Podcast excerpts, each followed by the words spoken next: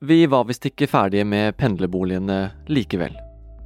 For stortingspresident Eva Kristin Hansen har også hatt en gratis pendlerbolig fra Stortinget som hun ikke skulle ha hatt. Hun som skulle rydde opp i rotet med pendlerboligene. Årvåkenhet, granskning og kritisk bevissthet omkring oss er nødvendig. I går formiddag sa hun at hun ble i jobben. Har du selv vurdert å trekke deg etter dette? Jeg har ikke vurdert det, men jeg er selvsagt avhengig av Stortingets tillit. Det er helt klart. Men i går kveld trakk hun seg altså fra vervet som stortingspresident. Nei, Det var en trist og tung dag. Eva har jo gitt en redegjørelse både til de parlamentariske ledere og en skriftlig redegjørelse i dag, som er kjent. Eh, men som Eva sier, eh, det er ikke mulig å fortsette i vervet som stortingspresident. Hva skjedde i mellomtiden?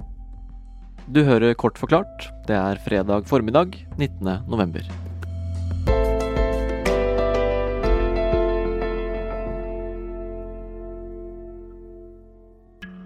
Tidlig i oktober fikk Eva Kristin Hansen en viktig jobb. Hun skulle rydde opp i rotet med Stortingets pendlerboliger. For i løpet av høsten har det kommet flere avsløringer i Aftenposten. Den første om KrF-leder Kjell Ingolf Ropstad. Jeg vil fratre ledervervet så snart partiet er klare til å velge en ny leder. Han hadde fått gratis pendlerbolig av Stortinget mens han eide hus i nærheten, fordi han var folkeregistrert hjemme hos foreldrene sine.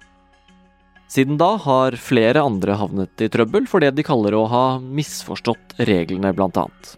Og denne uken kom det en ny sak. Denne uken fortalte Adresseavisen at uh, også den uh, nyvalgte stortingspresidenten Eva Kristin Hansen fra Arbeiderpartiet hadde brutt uh, regelverket om pendlerboliger. Hun hadde en pendlerbolig fra Stortinget i Oslo sentrum, selv om hun bodde i Ski med en kjøreavstand på mindre enn 40 km. Og da mener stortingsadministrasjonen at hun ikke oppfylte kriteriene for å ha pendlerbolig. Kjetil Bragli Alstaheim er politisk redaktør i Aftenposten. Det er et problem i seg selv at politikere bryter regelverket for de godene og ordningene som er der. Og så er det et spesielt problem for henne som nyvalgt stortingspresident, fordi det er noe av det hun selv har sagt at er en viktig jobb for henne, er å gjenoppbygge tilliten til politikken og til Stortinget som institusjon. Fordi det har jo vært flere avsløringer, både om pendlerboliger, om reiseregninger og om etterlønnsordningen. Hvordan forsvarer hun selv det hun har gjort, da? Hun forsvarer det egentlig ikke. Hun beklager at hun har gjort feil, og så prøver hun å forklare hvorfor hun gjorde feil. Og hun sier at hun hadde misforstått regelverket. Og så legger hun vekt på sin egen livssituasjon, at hun hadde alvorlig sykdom, og at det var familiære omstendigheter som, gjorde, som bidro til at det ble sånn. Men det har jo vært som du sier, mange av disse sakene. Hva, hva, er det som er annerledes med denne saken enn de andre pendlerboligsakene som har vært denne høsten? Det er jo for det første det at det rammer stortingspresidenten. Og hun Noe av det viktigste oppgaven for stortingspresidenten er å forsvare Stortinget som institusjon. Og det Når hun da kommer som enda en som har brutt regelverket for pendlerboliger, så blir det eh, veldig problematisk. Eh, og så kommer det som et tilleggselement her at du har hatt eh, Det var en serie med avsløringer av litt forskjellige saker rundt pendlerboligene.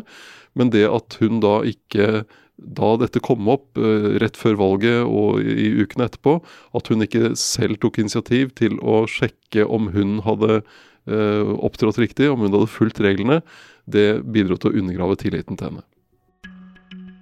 Denne saken ble kjent tidligere denne uken, og i går formiddag møtte hun partitoppene på Stortinget. Etter det sa hun at hun skulle sende en skriftlig redegjørelse til Stortinget, og snakket som om hun skulle bli sittende. Men på kvelden, noen timer etterpå, så gikk hun altså av. Hva var det som skjedde i timene mellom der? Det ene var at det var en, en gradvis erkjennelse i Arbeiderpartiet av at dette ikke gikk. At hun ikke kunne fortsette i den posisjonen, i det vervet. Én ting er hva de andre partiene ville ment, men det var noe med hele oppfatningen i befolkningen. Eh, og så kom nyheten om at eh, politiet skulle gå inn og etterforske disse sakene om pendlerboliger. Og da trakk eh, Eva Kristin Hansen en naturlig konklusjon, nemlig at Stortinget kan ikke ha en president som er under etterforskning for brudd på Stortingets regler. Men hva kan bli resultatet av alt det her, da? Både politietterforskningen og denne granskningen av pendlerboligsakene?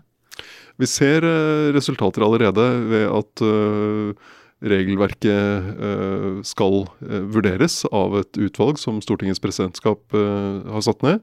Vi ser at Stortingets administrasjon allerede har skjerpet kontrollen ved at de stiller flere spørsmål i, i det skjemaet som representantene må fylle ut når de har pendlerboliger.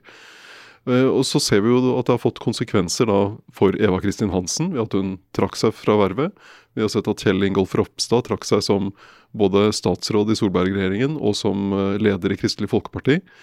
Eh, og vi, ser, eh, vi har sett også i andre saker at regelbrudd får konsekvenser for politikere. Vi har en politiker fra Fremskrittspartiet som ble dømt til elleve måneders fengsel av Høyesterett for juks med reiseregninger. Vi har en representant til representant fra Arbeiderpartiet som nå er i retten for juks med reiseregninger.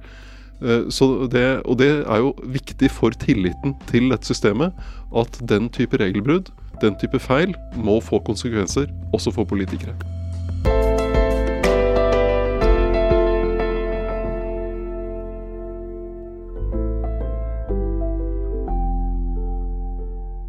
Du har hørt kort forklart om stortingspresidentens pendlerbolig. Jeg heter David Vekoni. Lyden du har hørt i denne episoden er fra VGTV, NRK og stortinget.no.